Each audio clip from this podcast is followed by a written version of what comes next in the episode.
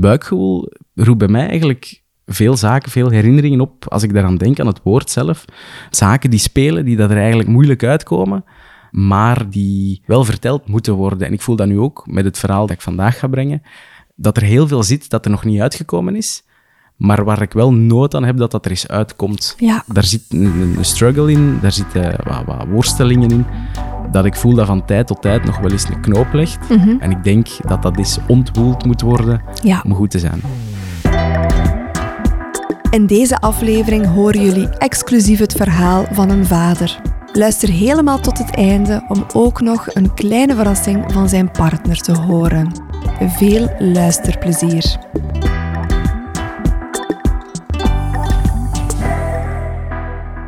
Vandaag een papa alleen voor de micro. Vind ik altijd extra bijzonder. Dus eh, dank je wel dat jij tot hier wou komen. Dat is graag gedaan. Misschien is het wel fijn voor de luisteraars dat jij jou eerst en vooral eens kort eventjes voorstelt, Sander. Ja, ik ben Sander, ik ben 30 jaar en eh, papa van drie kindjes. Lily, Ellie en Louis. Lily is drie jaar, Ellie wordt twee jaar en Louis wordt binnen een paar maanden één jaar. Dus het is Ja. eh, heel pittig allemaal, maar ik zou het niet anders willen eigenlijk. Ja, wauw, full house. Absoluut. Heb je ook een partner? Ja, Amber is eh, mijn partner, zelfs zelf vroedvrouw van opleiding. We zijn ondertussen zeven jaar samen. Ik zie Oké. dat ik geen foute dingen zeg. en ja, we zijn, we zijn eh, eigenlijk een, een atypisch koppel. Allee, atypisch in de zin van eh, Amber komt uit Soersel, ik uit Leuven. En we hebben elkaar online leren kennen. En eigenlijk is dat heel snel verlopen. En zijn wij heel snel gaan samenwonen. En na vier jaar, denk ik, was ons Lilietje er al. Dus Ja. En dan is het ook heel snel gegaan. Hè? dan is het allemaal heel snel gegaan.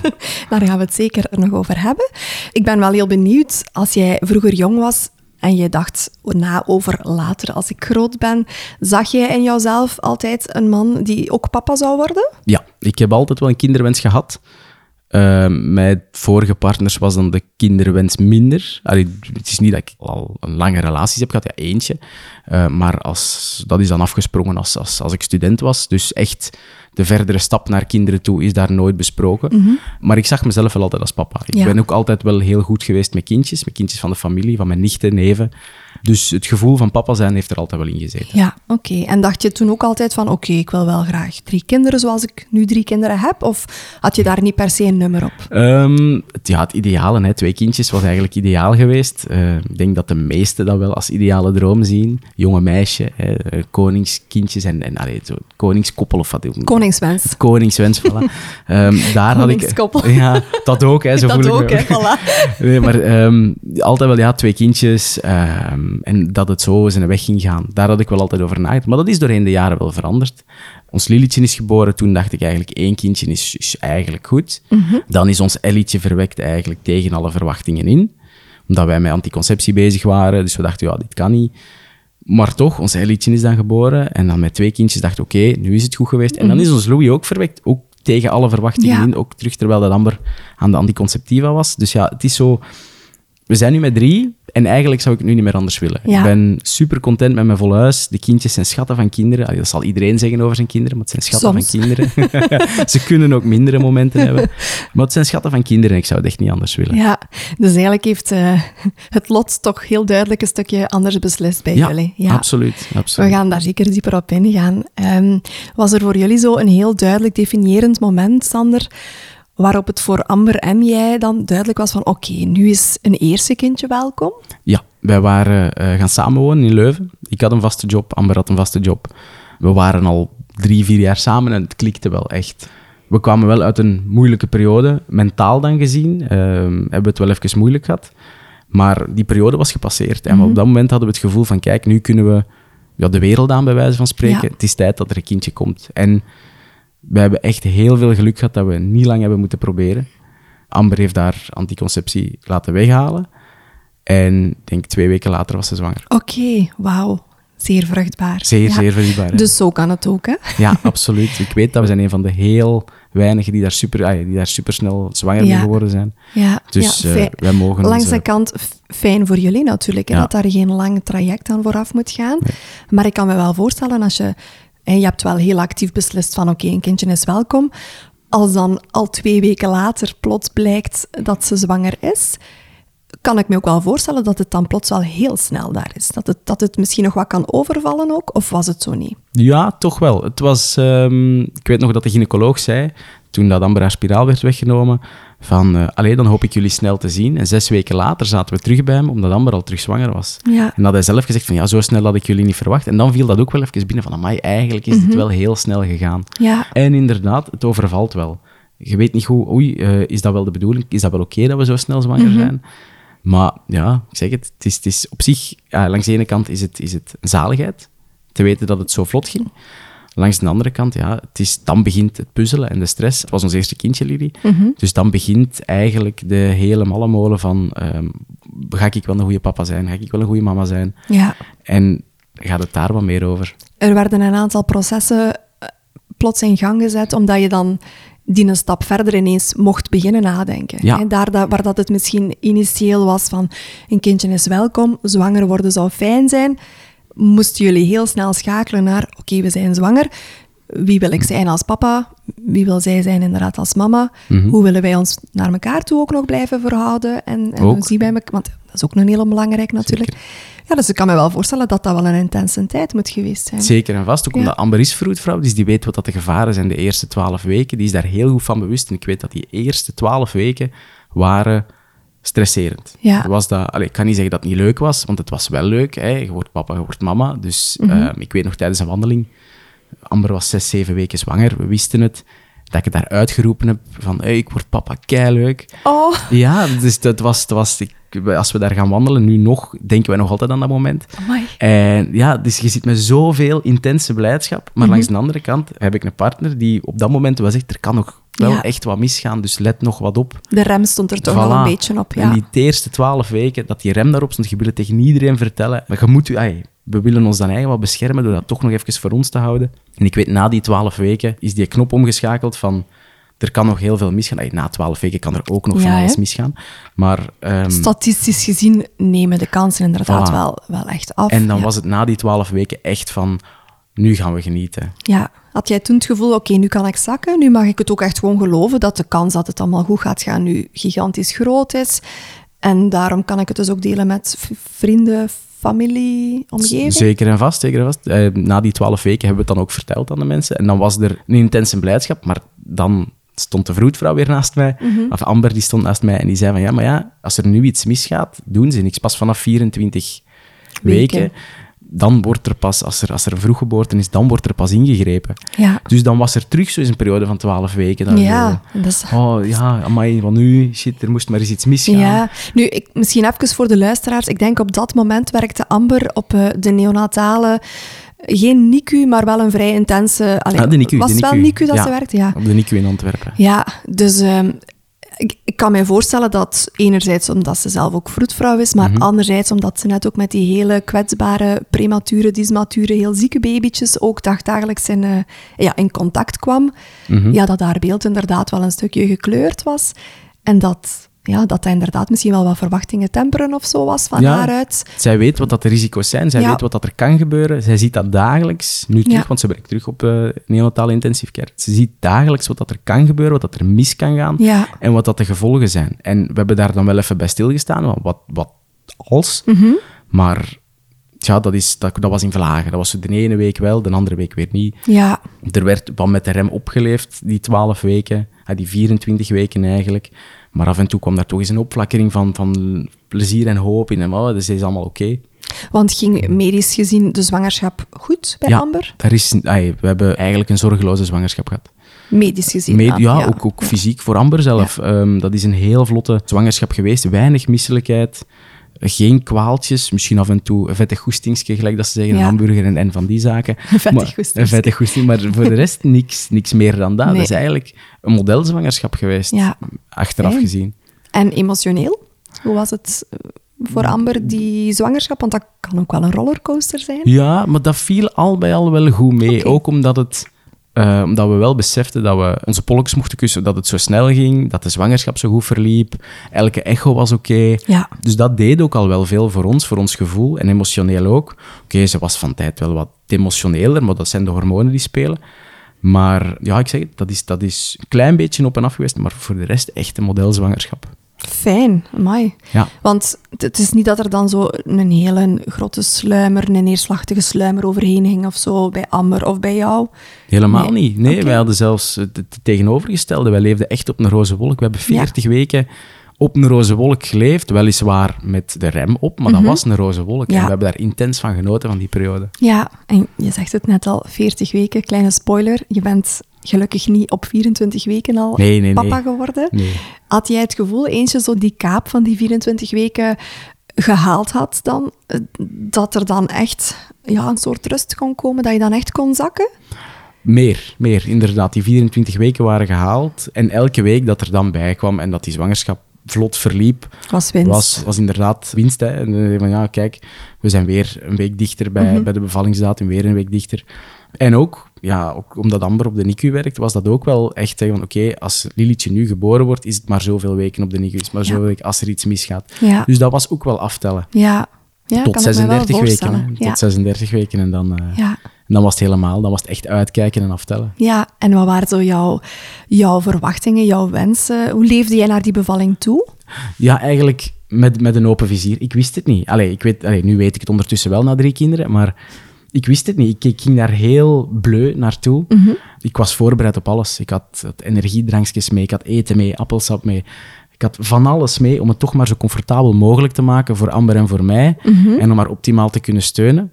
Maar ja, Amber is, is ingeleid. Ja, want jullie hadden de wens om in het ziekenhuis te bevallen sowieso, hè? Ja, Of niet? Ja. Ja.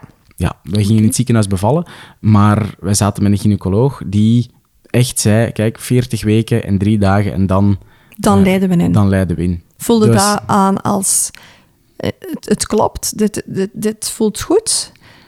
Ehm, op het moment zelf niet, ai, had ik daar al mijn twijfels bij. Mhm. Dat voelde niet helemaal goed.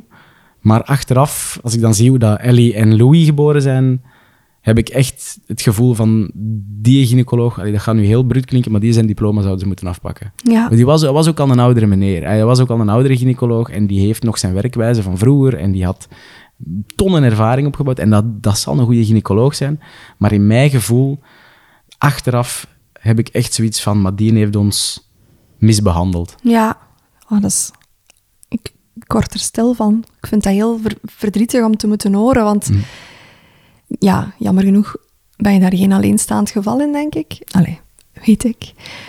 En eh, zoals hij zelf zegt, dat zal waarschijnlijk wel vanuit goede intenties en zo zijn. Mhm. Ik denk misschien zo de generatie ja, boven ons van artsen, dat inderdaad zo ja, typisch wat meer die oude stempel, wat meer de autoriteit. Ik ben arts, ik weet wat goed is, dus we beslissen dat zonder dat er misschien inspraak is of, of, of overleg is van en wat denken jullie daarvan? Hoe voelt dat voor jullie? Dat gevoel hadden wij heel hard. Ja. Hè? Omdat we zijn, bij de tweede bevalling zijn wij op 36 weken nog van gynaecoloog veranderd. Dus jullie hebben de tweede zwangerschap ook aanvankelijk bij diezelfde arts Ja, opvolging gedaan en Ja. dan alsnog veranderd. Omdat wij dachten, in die periode hadden wij het gevoel van, ah ja, die heeft zijn best gedaan, alles is oké. Maar op 36 weken zei hij van, kijk, omdat Amber bevallen is met een keizersnede, heeft hij toen gezegd van, kijk, 38 weken en geen een dag langer. En dan opnieuw een keizersnee. En Amber wou heel graag vaginaal bevallen. Ja, En op dat moment heb ik ook tegen hem gezegd van, kijk, hier gaan we niet meer verder. En Amber ook, we zijn allebei van, hier stopt het, wij komen geen, niet meer op consultatie. hoe, hoe ontving die dat? Ehm, die, die heeft ons nog proberen te overtuigen. Die heeft nog toch een afspraak gepland en gebeld. Ze van ja, maar ja, dat is niet oké. Moet weten. Zeg, kijk, het interesseert me niet.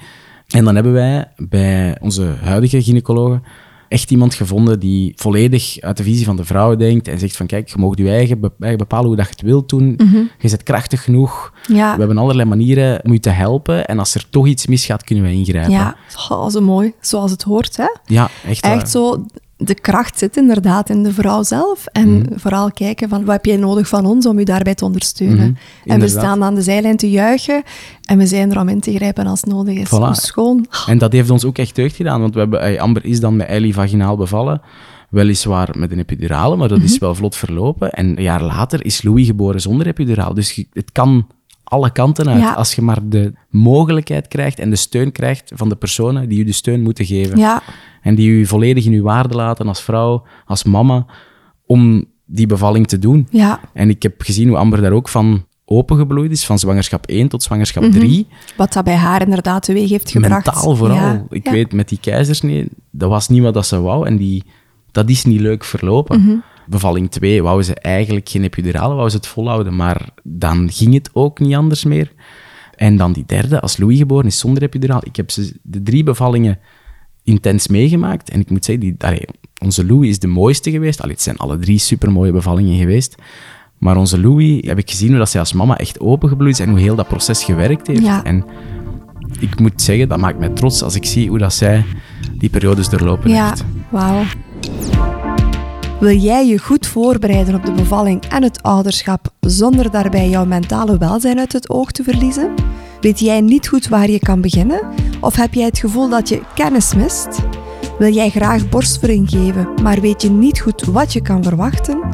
Dan heb ik goed nieuws voor jou. Mijn online geboortecursus en de online borstvoedingscursus zijn enkel nog deze maand november aan een verlaagde prijs te koop. Koop je beide cursussen samen aan, dan krijg je daarbovenop ook een mooie korting. Kijk in de show notes voor meer informatie en wacht niet te lang om van deze korting gebruik te maken. Ben je zelf niet zwanger, maar gun jij iemand uit jouw omgeving een goede, degelijke voorbereiding, dan kan je altijd een cadeaubon cadeau doen. Stuur me een mailtje en we brengen het in orde.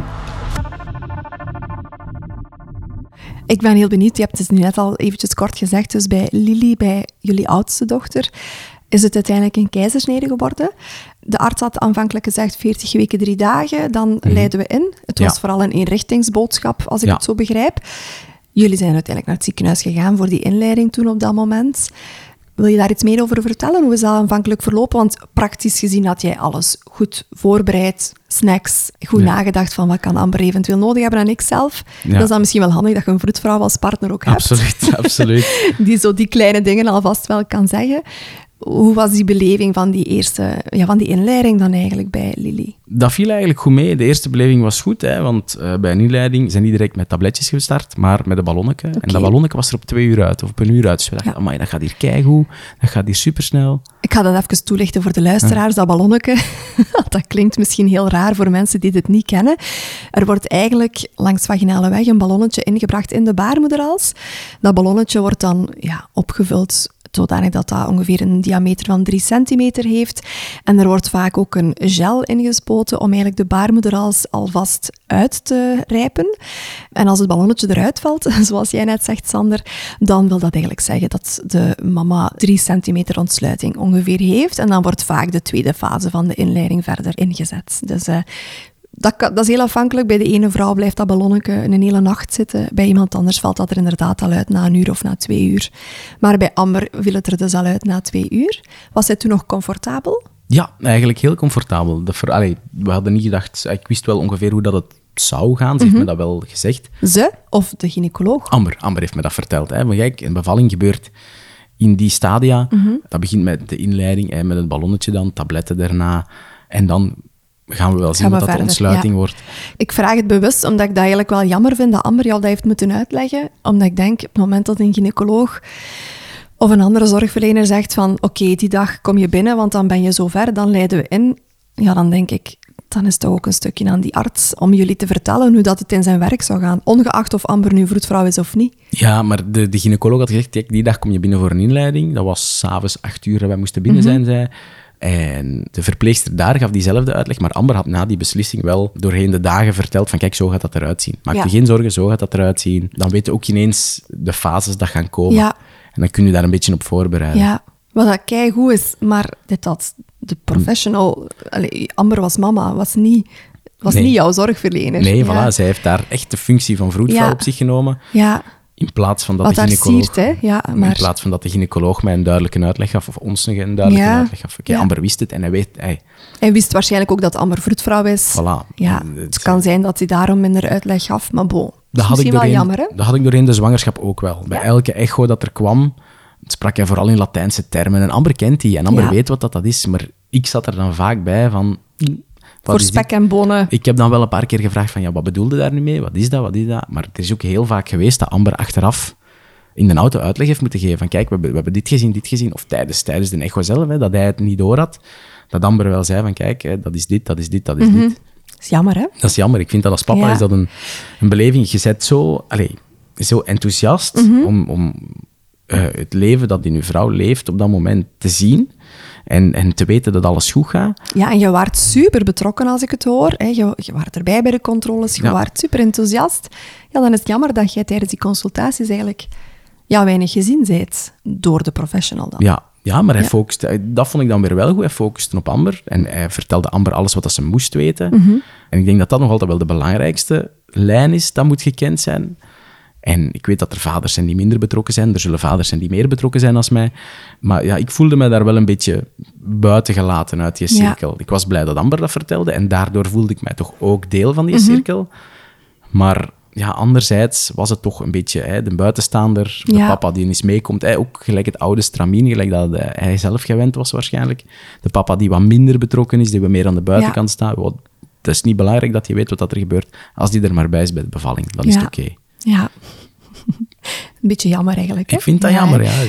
Ik, merk wel dat er, dat er wel een grote tendens is en dat heel veel zorgverleners, gelukkig de dag van vandaag, ook heel bewust net die partners proberen te betrekken. Wel, want dat is zo fundamenteel. Mhm, ja, Absoluut. Gewoon voor het emotionele stukje al. Hè? Ja. Ja.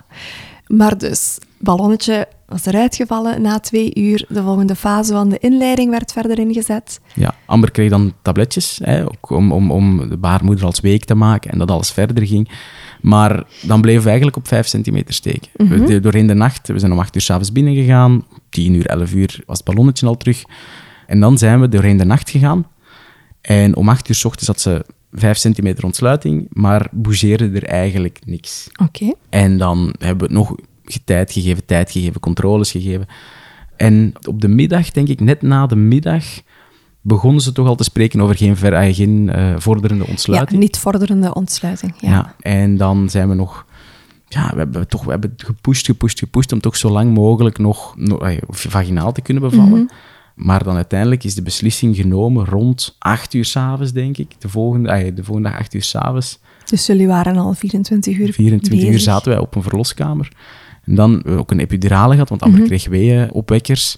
Dus de weeën werden erger doorheen Mhm. de dag. En, en ze kreeg het wat moeilijker en moeilijker. Wat ook heel normaal is. ja, tuurlijk. Met tuurlijk. die, zeker met kunstmatige opwekkers, dat is gewoon qua, qua pijn bijna niet doenbaar. Ook om, om het dan te doen zonder epidurale verdoving, omdat je eigen pijnmechanisme niet geactiveerd wordt. Nee, hè? uw pijnmechanisme komt altijd een stapje te laat. Ja. Dat is hetgeen wat ik ervan onthouden heb, dat uw pijnmechanisme altijd een stapje te laat komt. En ze heeft dat supergoed gedragen tot een uur of vijf, zes. En dan konden we niet anders dan epidurale Ja. vragen. De vroedvrouw heeft dat ook goed aangepakt. Die zei van, kijk, die epidurale kan ervoor zorgen dat alles loskomt beneden. Ja, dat dat, er alles, ontspanning is en Voilà. dan misschien die ontsluiting, hopelijk. Hè? Voilà, dat die vordert. Ja. Maar ja, vijf centimeter en dat was het. En het bleef hangen. Ja. En om acht uur hebben we dan gezegd, kijk, het moet met een keizersnee. En was Lily op dat moment, stelde zij het nog goed? Waren harttonen goed? Ja, alles was perfect. Ja, dus het is niet dat er een spoedscenario was Nee. toen van oké, acht uur s'avonds, dit gaat hier echt heel slecht, we moeten nu ingrijpen. Nee, ze hebben ons gezegd, kijk, we gaan een keizersnede doen, maak die op je gemakje klaar, binnen een half uur gekomen u halen. Ik weet dat dat voor Amber een heel emotioneel moment was. En ik weet dat zij daar... Dat zal de hormonen geweest zijn, de pijn geweest zijn, alles bij elkaar, de vermoeidheid, dat zij het daar heel moeilijk mee had. En jij? Ehm, ik vond dat erg voor haar. Ik, allee, dat gaat nu erg klinken, maar ik zat er al 24 uur. Ik had zoiets van, het mag gaan gebeuren. Ja, ik denk dat- ook dat dat dan een heel herkenbaar is wel, zo, voor vele luisteraars. Ja, ik van, het heeft lang genoeg geduurd, ik wil mijn kind in de armen kunnen sluiten. ja. En ik snap dat dat voor Amber heel moeilijk was om in je lichaam te laten snijden op dat moment. Ook als, als mama zijn, als vrouw zijnde, je wilt nog altijd het zelf kunnen doen.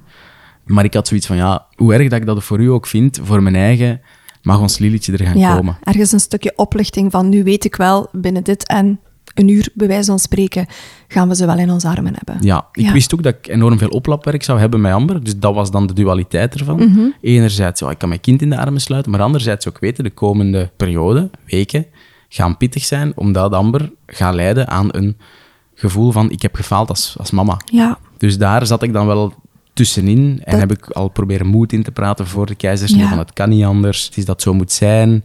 We gaan er het beste van maken. We gaan er alles aan doen om dat eh, zo goed mogelijk te laten verlopen. ja. Oh my, Sander, ik vind dat heftig om te horen. Ehm, dat- Het wordt nog heftiger. Ja, maar dat zo al die gedachten al zo ja, door je hoofd gaan, nog voor effectief erin gesneden is. Mhm. En dat jij toen inderdaad al heel hard kon voorzien van, oké, dit is misschien voor nu de beste keuze, maar ik weet dat de gevolgen, allee, dat, dat dit morgen niet vergeten is, dat er nog echt wel een hele lange weg zal volgen nadien. Emotioneel, ja, en fysiek ook. Hè. Als er een keizersnede geweest is, weet je dat er fysiek ook veel meer op jou terecht zal komen. Hè? Ja, absoluut. Ja, maar bon, het wordt nog erger. Ja. Vertel je. Ehm, de keizersnee werd gedaan, Lily werd eruit gehaald. Ik mocht met Lily in een apart kamer gaan zitten. Die eerste momenten waren zo... Van, dat was intens geluk. Mocht je skinnen met haar? Ja, Ja. ja dat, was, dat was voor mij een zaligheid. Ik zat in een apart ruimte met, met Lily op mijn borst. Maar ze weende niet. Ze, ze weende wel, maar heel schril. En dan was, lag ze bij mij en dan kwamen er belletjes uit haar mond. En van oei. Maar dan zei de gynaecoloog van, ah ja, dat is gewoon omdat ze niet door het eh, Geboortekanaal is geweest, ja. gekomen is. Dat de longen niet vrijgemaakt zijn. Ja, Ehm, ik, ga, ik ga dat even toelichten ook. het moment dat een babytje vaginaal geboren wordt, heel cru gezegd, maar dan worden die, als het ware, een stukje die longen wat, wat samengeperst, waardoor eigenlijk het vocht dat als de baby nog in de baarmoeder zit, zijn die longen gevuld met, met vruchtwater gewoon. Maar op het moment dat een baby dus vaginaal geboren wordt, wordt dat vruchtwater eigenlijk een stukje uit die longen geperst, zodanig dat als die baby de ademhaling zelf opstart, dat die luchtweg, dat die eigenlijk gewoon meer vrijkomt. Hè? En we zien wel heel vaak bij een keizersnede dat baby's wel iets meer last kunnen hebben inderdaad, van nog wel wat slijm en nog wel wat, wat vocht soms aan die longen. Ja.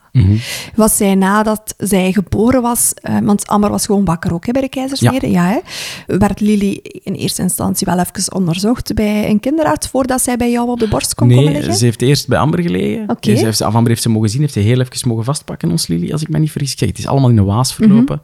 Heeft Lily mogen vastpakken. Dan heeft de gynaecoloog de navelstreng doorgeknipt. Dan zijn wij, of ben ik met Lily in een apart ruimte gaan zitten. Heeft ze even bij mij mogen liggen, even wennen. En dan, na vijf minuten, heeft de assistent-pediater, de assistent-kinderarts haar onderzocht. Ja. Was dat toen al dat jij zag van er komen zo belletjes uit haar mond? Of was Ja. dat maar nadien dan? Ja, allee, er, was nooit, er kwamen belletjes uit haar mond. En als ik keek naar haar rechterhandje, Lily had geen gewricht in haar duimke. Oké. Dus ehm, dat was voor mij de eerste teken van, oeh, wat is dit? Deze is hoe dat ik had gehoopt. Ik weet Ja. van mijn nichtje, die had een zesde vingertje. Ik dacht, ah, dat zal dat zijn. Maar als ik dan te goed keek, zag ik, nee, het is haar duimke. Ja. En haar gewricht onderaan, haar vinger, was er niet. Dat was eigenlijk gewoon een stukje vlees Ja. en een nagel dat eraan hing. Mo. En toen dacht ik van, oh nee, hier gaat iets in gang komen waar ik precies niet op voorbereid ben. Mhm. Want dit was niet vastgesteld in de zwangerschap, Nee, duidelijk. elke echo was perfect. Alles was, de vingertjes waren er, de teentjes waren er, alles is onderzocht geweest. De gynaecoloog heeft achteraf ook nog die beelden allemaal nog eens opnieuw bekeken. Daarvoor ben ik hem ook echt dankbaar dat hij dat nog eens heeft willen doen. Hij zegt van, ik heb dat door een, door een collega laten bekijken. We hebben niks abnormaal Ja. gevonden in die 40 weken echo's dat wij gedaan hebben. Ja, oh, verdorie. Ja, en dan zag ik dat en dan met die belletjes en dan was er zo wel even iets van, oef, deze is niet oké. De pediater zag dat ook, zei dat ook van, kijk, ze heeft geen gewrichtje daar, ik weet het, maar wat dat de gevolgen daarvan zijn, dat zullen we later wel bekijken. Ja. Was jij gerustgesteld toen? Zo, gerustgesteld is veel gezegd, maar het gevoel, ik kreeg een ah, slecht gevoel is veel gezegd. Ik ben nog altijd super, ah, ik was super blij dat ons Lilietje geboren was. Ik was over de wolken met de geboorte van Lily, maar in mijn achterhoofd zat ik wel met iets van, oeh, wat gaan de gevolgen voor later zijn? Ja. Dat is meteen, je, je, je wenst je kind, of je wilt dat je kind perfect is, je wilt dat je kind alles heeft. En vanaf bij geboorte zie je, dat is niet zo. Ja. En ik weet dat mijn hart toen wel brak, is veel gezegd, maar dat ik toen wel echt al dacht aan de gevolgen later. Van wat Ja. gaat dit allemaal met zich meebrengen? Kunnen ze dat nog rechtzetten? Valt daar iets aan te doen? Ja. Ja, het is, het is niet wat je voor je kind wenst natuurlijk. Je wilt eigenlijk dat alles gewoon gemiddeld is, hè? Gewoon allemaal standaard, hè? Voilà. Ja.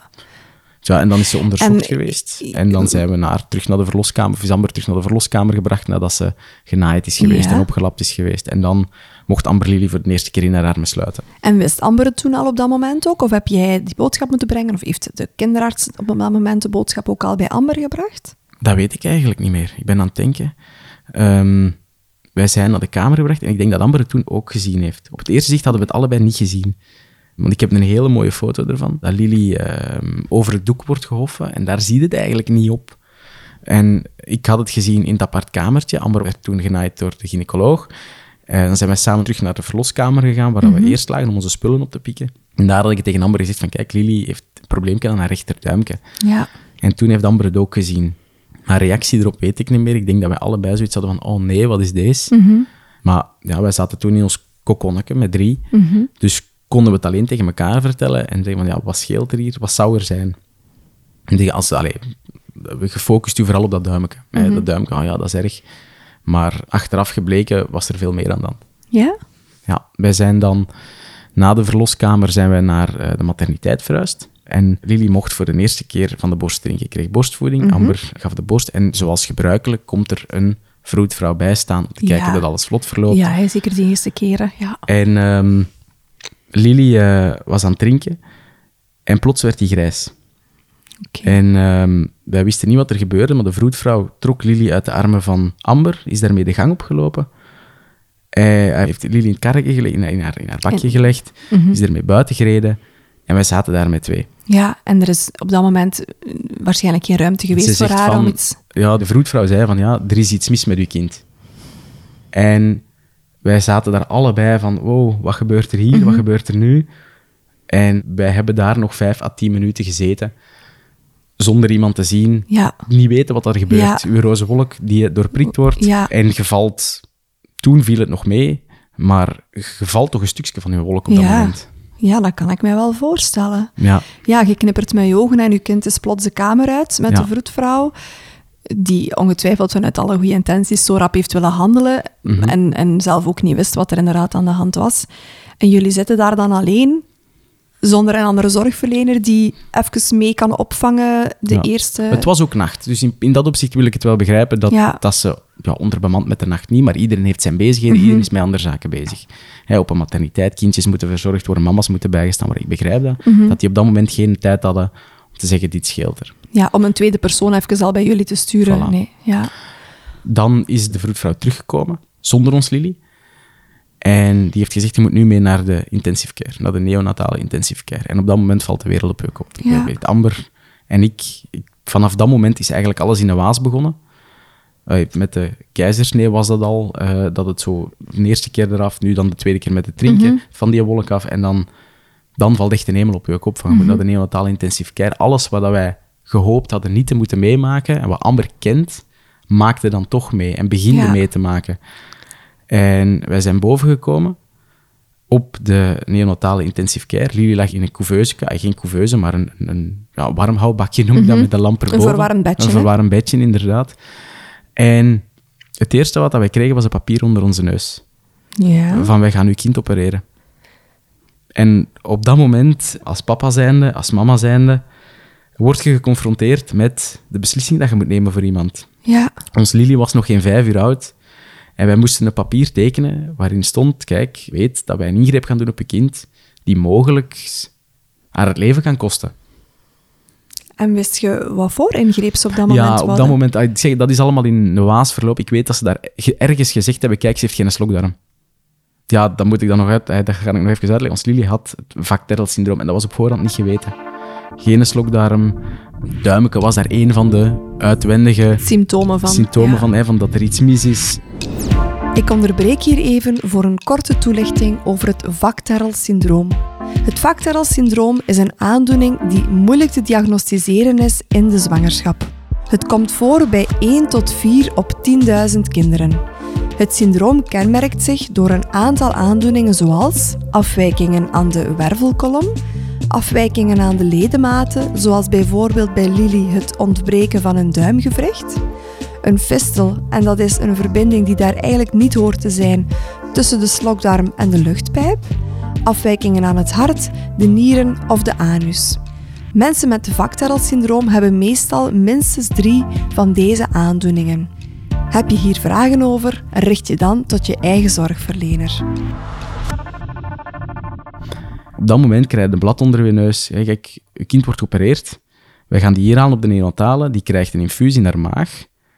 En daarmee gaat ze eten krijgen. Maar ze moet geopereerd worden. Zo rap Ja. mogelijk. Allee, zo rap mogelijk. Daar moest eerst nog onderzoek naar gedaan worden. Maar ehm, ze moest geopereerd worden. En je moet op dat moment dat blad tekenen zonder dat je weet hoe en wat. Amai. Dat is echt een rollercoaster. Ja, wij zijn van sky high naar enorm diep gegaan. Ja. Op hele korte tijd. Ja. Alleen al eerst die inleiding, 24 uur bezig zijn. Oké, we gaan naar die secundaire keizersnede. En wat dat Amber zo graag wou vermijden. Dan heb je die keizersnede. dan zie je eerst dat duimpje. Zij samen op de camera denkt, oké, duimpje, verdorie, hè, wat zou dat zijn? Hm. Maar we gaan even proberen genieten van die eerste voeding. En dan wordt zij plots in allerlei meegenomen naar de intensive care. En krijgen jullie, op het moment dat jullie haar voor de eerste keer terugzien, de, de boodschap, zij moet nu geopereerd worden. Ja, En Ja. dit is een informed consent. Daar Ja. komt het op neer. Ja. absoluut. Hier is het blad, teken maar. En morgen wordt ze geopereerd. Ja, en dat was dus allemaal in het midden van de nacht, kan ik mij voorstellen, terwijl Mhm. je al twee dagen wakker bent. Ja. Dus je zit zo moe, je zit zo op van alles wat er gebeurt. Maar gaat erdoor. Dat is de adrenaline dat er opeens in Ja. kikt. Dat is een gevoel dat ik eigenlijk nog niet had meegemaakt. Ja, ik denk ook, je hebt niet veel andere keuze wellicht dan mee te surfen op de snelheid waarin alles Nee, gebeurt. Een second opinion kun je niet vragen op dat Nee. moment, want je speelt met het leven van je kind dan. Ja. Als je een second opinion vraagt. Was dat trouwens het ziekenhuis waar Amber ook werkte? Ja. Ja, Ja. oké. Oh, my zeg. Dus dat waren allemaal collega's van Amber en die zagen dat en die wisten dat. Maar om, op een of andere manier was de boodschap brengen wat dat er mis was met Lily heel moeilijk. En bleef de informatie, denk ik, uit. Ik zeg ik heb het allemaal... Het is allemaal een vage herinnering geworden. Maar ik denk dat de boodschap dat zij bracht, ze zullen die wel gebracht hebben, maar die kwam niet binnen. Wij zaten daar, Amber lag nog in haar bed, naast het bed van Lily. En op dat moment waren wij afscheid aan het nemen van haar. Op dat moment dat we daarnaast zaten. Het is het gevoel dat je dan hebt, je kind zien liggen met draadjes eh, in haar neus. zondes, ja. Het is, ehm, ja, je bent afscheid aan het nemen, je ziet je kind en enerzijds wilde dat wel graag zien, zie je dat ook graag, maar anderzijds denkt je, hier stopt het. Binnen dit en een paar uur kan dit ons kind niet meer zijn. ja.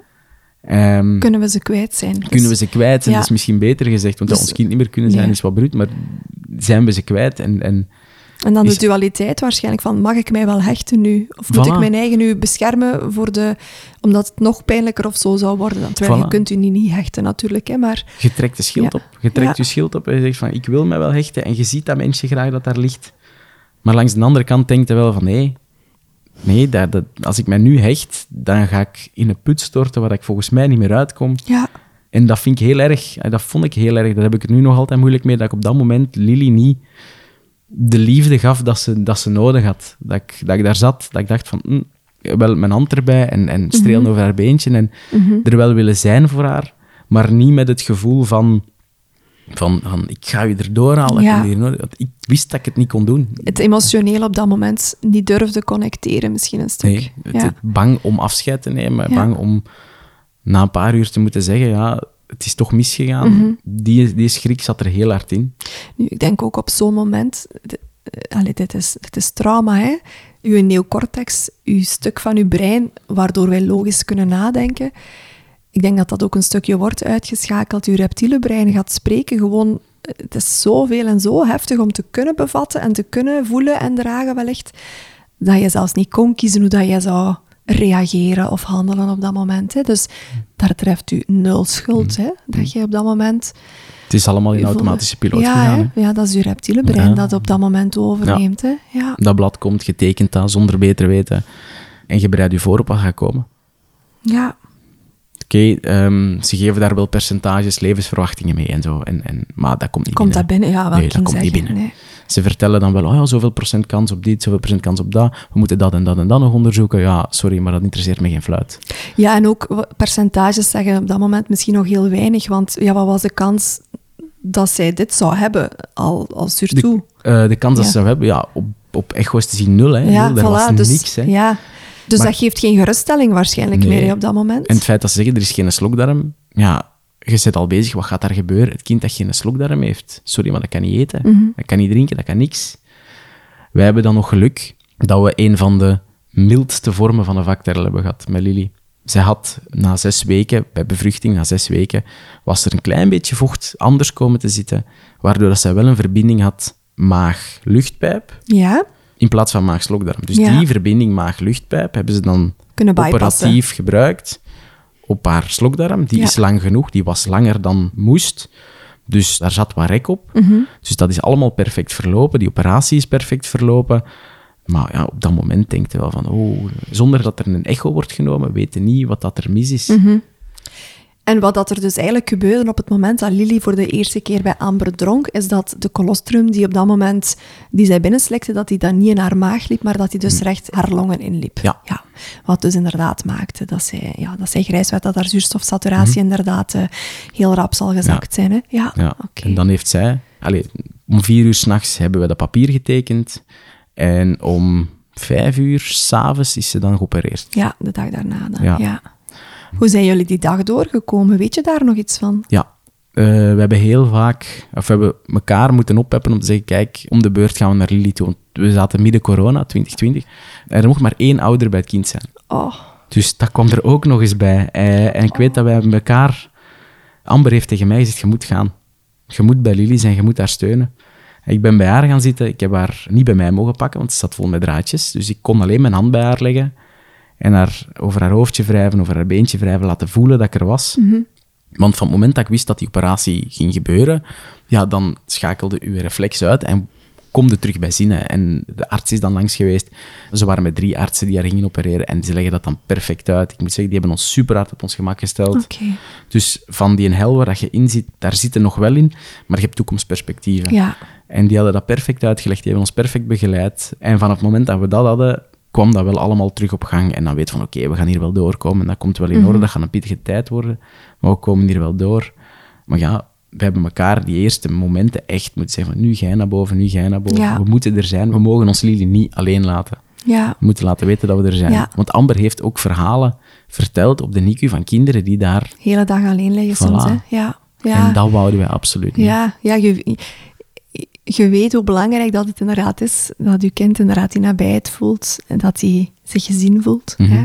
Absoluut. Maar bon, zij was ook wel herstellende natuurlijk van, van toch wel een stevige operatie, van een gigantische fysieke uitputtende rollercoaster. Ja, jij ook uiteraard, Ja. en dan emotioneel. Oh, Maar wat ik Amber heb zien doen, dat, heb ik, dat is nog altijd iets waar dat ik oneindig veel respect voor heb. Het was onverantwoord, maar zij is de eerste dag na haar keizersnee uit haar bed gestapt.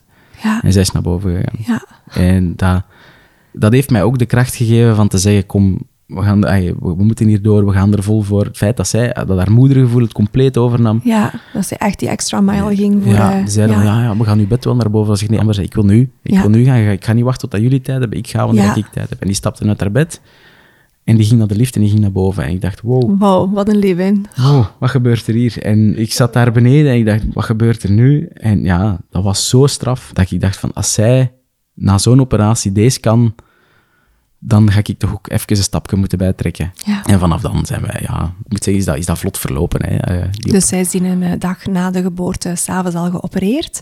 Hadden jullie perspectief gekregen van dit gaat wellicht zoveel uur minstens duren? Of wist je daar allemaal niks van? Ja, dat was een operatie van ongeveer een uur, een uur en een half. Dat was niet zoveel. Het was geen grote ingreep. Hè. Dat hadden ze op voorhand ook allemaal verteld. Zeg, kijk, we gaan een incisie maken aan haar schouderbladje van achter. Dat ze later een bikini draagt, dat dat daarover valt. Hè. Dat alles esthetisch supermooi is. En dan gaan we die fistel losmaken en dan de slokdarm bevestigen. Een uurtje werk en dan zijn we klaar.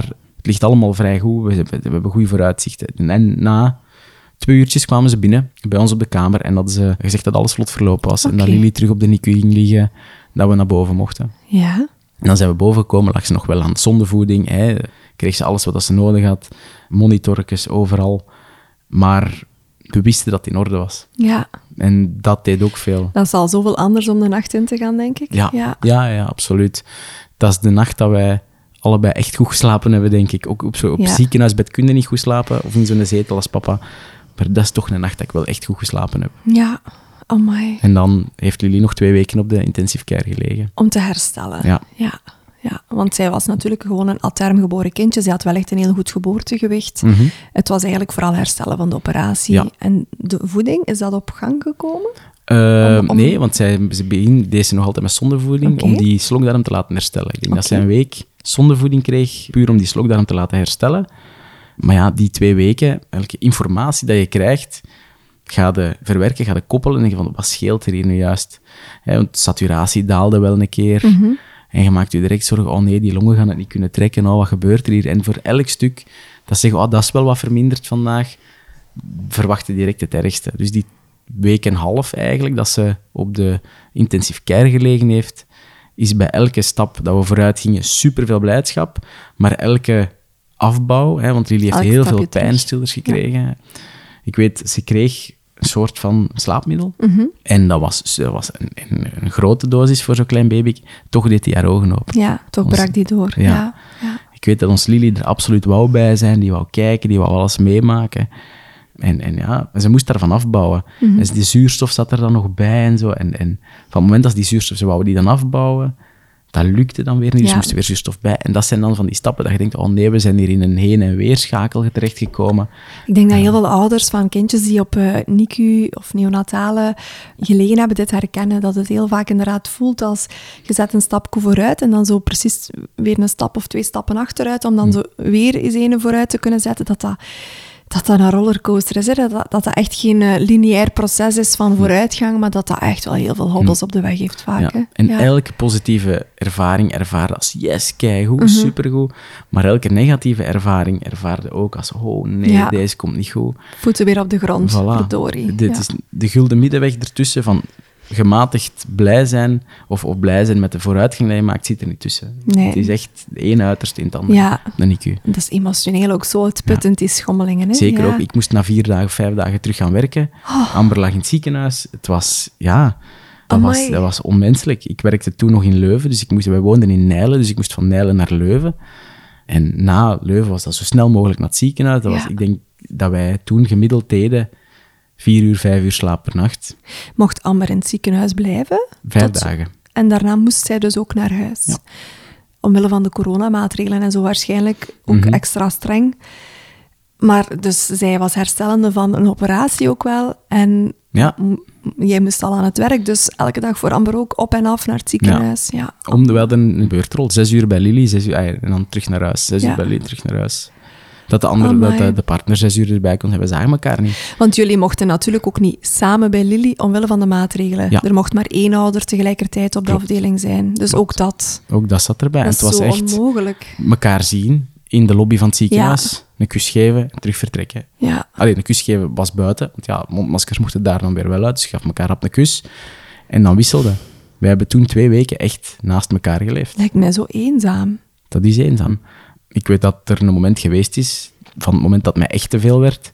Ik ben naar mijn ouders gereden, na de geboorte van Lily. Hè, want voor grootouders en zo is dat ook een geweldige stap. Ik ben binnengekomen en ik ben als een klein kind beginnen wenen. Ik heb, dat is, dat is, denk ik, vijf dagen, zes dagen na de geboorte van Lily heb ik, heb ik daar niet over kunnen praten. Ik kwam bij mijn ouders en dat was voor mij zo de eerste plek waar ik had van, "Oeh, nu kan het Hier er allemaal het uit. tonen. Ja, en ehm, ik heb daar staan wenen als een klein kind. Dat was mijn vader, mijn moeder. Ik heb die daar ook enorm van zien wenen, zien, zien geëmotioneerd zijn. En ik was blij dat dat er een keer uit was. Ik heb niks moeten zeggen. Ik heb, denk, van het moment dat ik daar geweest ben, heb ik wel verteld hoe dat met Lily ging. Ze wisten dat ze geopereerd was. Ze wisten wat dat er gebeurd was. Maar ik heb niet moeten vertellen van, ah ja, het is nu, ah, die statistieken hebben ze gezien, dat hebben ze gezien. Eh, met haar saturatie gaat het nu zo. Nee, ik kwam binnen en die last viel er even af. Ja. Dus dat deed voor mij heel veel deugd. Ik weet dat Amber dat niet gehad heeft. Haar ouders woonden op dat moment in Amerika. Haar broers woonden in Amerika. Dus zij was alleen. Ja, amai. En zij heeft daar... Zij heeft, bij mijn ouders kon zij er ook altijd mee terecht, dat weet ik. Maar ik weet dat zij daar heel lang mee Maar dat is geworsteld anders, heeft. hè? Ze heeft Ja. daar heel lang mee geworsteld. Want wat wil je op zo'n moeilijk moment in je leven?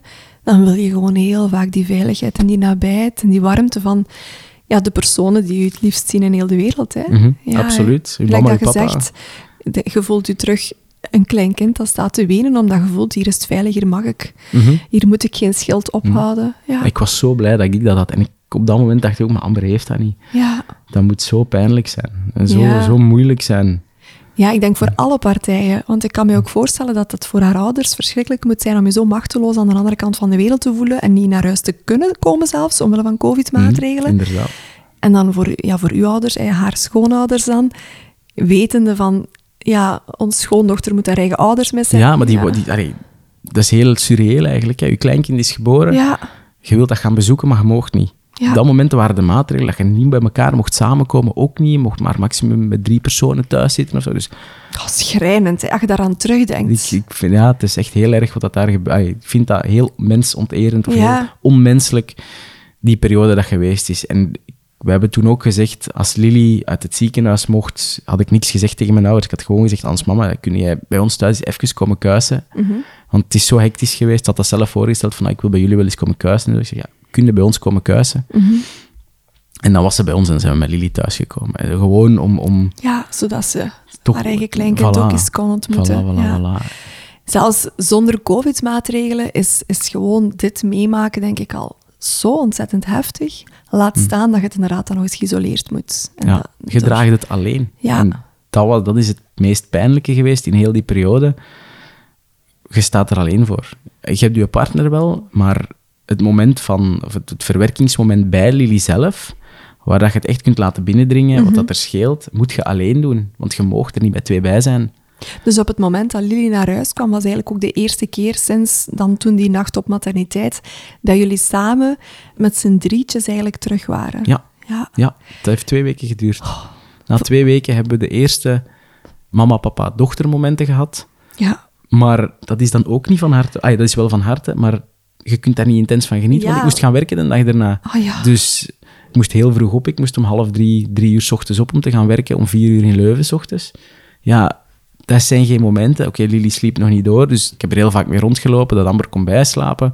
Maar ja, ik miste wel enorm grote delen. Ja, en gewoon het zakken, gewoon het landen in, in oké, we nest hebben nu twee komen. weken later dan gepland. En wat is er allemaal gebeurd de afgelopen Hmm. twee weken? Dat, maar daar is zelfs geen tijd voor om dat dan te laten binnenkomen. Nee, want het jaar daarna kreeg je tien dagen vaderschapsverlof. Maar in 2020 waren er nog maar vijf. En inderdaad, hè, die vijf waren om. Ah ja, je hebt vijf dagen bij Lily kunnen doorbrengen op de NICU. Ga nu maar terug werken. Oh, maar jongens, Ehm, dat is echt... ja, en dan die twee weken waren voorbij. Ja, ik was gewoon terug voltijds aan het werken. En, en je hebt inderdaad niet de tijd om in je veilige cocon even tot rust te komen. Nee. Want de hectiek van de dag van vandaag gaat gewoon verder. Ja, met dan een newborn daarbij, Voilà. die twee weken ja, Ja. zonder jullie is moeten zijn in het ziekenhuis, ook door de omstandigheden. Mhm. Amai.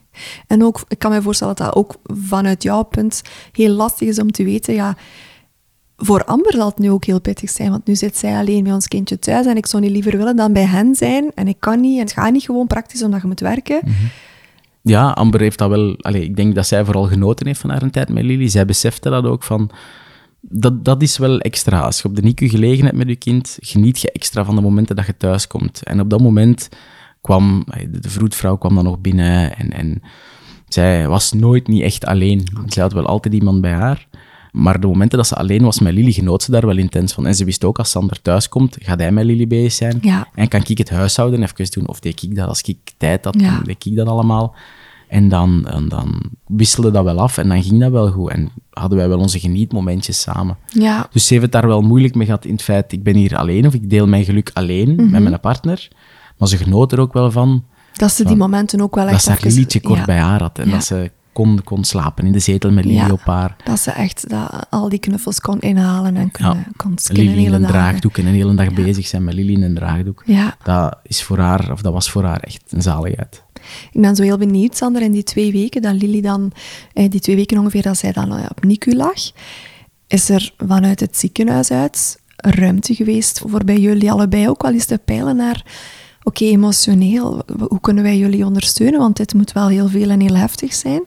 Ehm, ik, ik kan het me niet 100% herinneren. Ik zeg het, is, het is die periode van twee weken is een op- en afrij geweest, is een waas geweest. Maar Ik weet wel dat ze net na de bevalling gezegd hebben van als je hulp nodig hebt, of als je met iemand wilt praten, zeg het ons.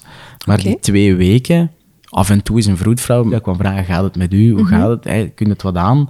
Maar professionele hulp is er nooit niet echt geboden. hè. Nee. Is dat iets waarvan je nu, als je terugkijkt, dat je denkt, jammer, dat het wel fijn geweest. Mocht dit misschien gewoon standaard aangeboden worden, als in, kijk, jouw kindje ligt hier op NICU, standaard laten wij eens ene keer bijvoorbeeld een psycholoog bij de ouders wel eens echt een sessie langs gaan. Zou, als je daar zo op terugkijkt, zou dat iets geweest zijn voor jullie, denk je? Ik denk dat het verwerkingsproces dan gemakkelijker geweest zou zijn. Ik zeg, nu zit er nog altijd een knoop om daarover te vertellen, gewoon omdat het zo'n heel heftige gebeurtenis is geweest.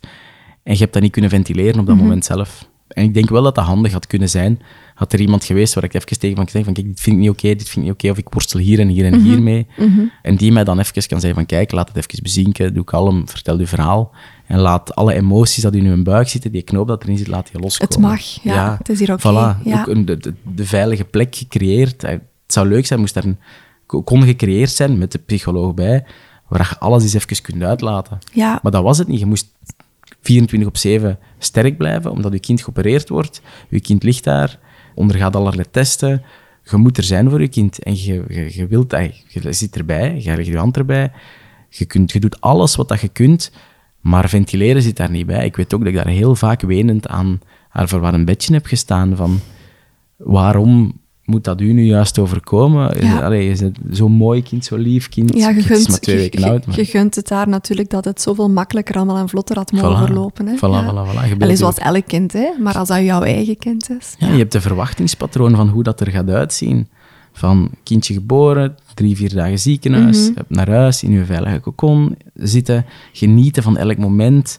Vader-dochter momenten, mama-dochter momenten, Ja. maar ook gezinsmomenten, Ja. waar je zo naar uitkijkt. En dat wordt dan twee weken on hold gezet, waarvan dat je niet weet, gaat dat ooit nog komen? Ja, En daar heb ik het wel heel, heel moeilijk mee gehad, ja. die periode.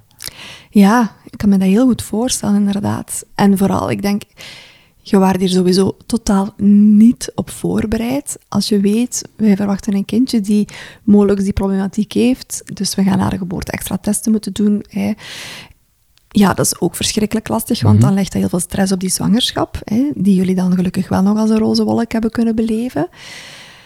Ja, het is dubbel. Het heeft zo allemaal zijn voor- en zijn nadelen, maar ah, zo heftig. Ja, maar zoals je zegt, hadden we het op voorhand geweten wat dat er met Lily was, dan stel je daarop in. Ja. Dan kun je je op voorhand zeggen, oké, we gaan dit moeten doen, we gaan dit moeten doen.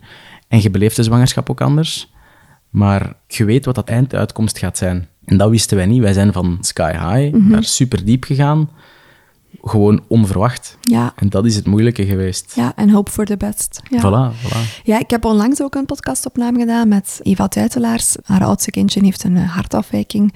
En dat is vastgesteld vijf dagen na de geboorte ongeveer. En moest ook een operatie volgen en zo. En ja, de rollercoaster die dat met zich teweegbracht. En ik, ik weet dat ik op een gegeven moment ook aan het denken was, omdat onze oudste dochter heeft ook een hartafwijking. Wij wisten dit in de zwangerschap. Dus wij waren voorbereid op percentages. Wij wisten welke operatie ging volgen, wanneer dat die operatie wellicht. En ik weet dat ik daar met Eva over bezig was van ja, wat, wat is eigenlijk het beste? Het, het niet weten of... allee, ik voelde zelf voor mezelf altijd dat ik heel dankbaar ben dat ik het wel op voorhand wist, omdat ik voorbereid was. Maar heel veel mensen in onze omgeving zeiden van, dit had u beter niet geweten, want uw zwangerschap was, was zo heftig. Ja. Ja, het is een dubbele... is een- Beiden heeft voor- en nadelen. Ja, hè. inderdaad. Hè. De zwangerschap niet ten volle kunnen beleven is voor als mama zijnde, als papa zijnde, heel moeilijk, denk ik. Natuurlijk, wij hebben het andersom geweten. Wij wisten niks. Wij, zijn, wij hebben het dan pas bij geboorte geweten. Mhm. Maar dan valt dat wel gigantisch. Ja, je leeft op het, je- het contrast tussen uw roze wolk en van uw roze wolk vallen Ja. is echt een slag in uw Ja. gezicht dat ik echt niemand niet toewens. Want Ja, het, papa worden is op zich iets heel leuk, maar op deze manier heb ik ook vaak gezegd tegen anderen van dat ik het op deze manier... ik geweten nog dat het eens- zal zijn. Laat het dan maar zijn. Ja. Laat het dan maar zijn als dit het nog eens is. Maar Lily was er en je moet er vol voor gaan. Dus je kunt niet zeggen van ja, ik wil niet dat mijn kind er is. Nee, nee, ze was er en je gaat er vol voor. Mhm. En je ziet je kind graag. Maar had ik het op voorhand geweten, Ja, laat had je het maar dit zijn kunnen dan. voorzien? Ja, ja. Deze komt heel hard binnen, wat je nu zegt, Sander. Omdat, ik heb daar zelf met mijn man, we hadden op voorhand ook de wens voor twee of drie kinderen. Mhm. Maar omdat dan ook inderdaad onze oudste zo'n heftig verhaal is geweest, ik herinner me ook dat hij zei van, als ik dit had geweten, ja, dat dat zo zou zijn, ja, dan had het eigenlijk misschien niet gemoeten. En ook zei hij, ik weet eigenlijk niet of ik nog wel dat tweede kind wil, omdat Mhm. je hebt zo'n valse start in je ouderschap ge- ge- gekregen, hè? Ja, ja. zoals ik in het begin gezegd Ja, heb, bij ons was dat ook. Hè. Met Lily. Lily is geboren. We hebben die problematiek gehad het eerste half jaar. De eerste twee weken eigenlijk. Maar dan achteraf is dat nog, ey, dat duimpje is geopereerd geweest. Of ja, eigenlijk, ze heeft geen duimpje meer rechts.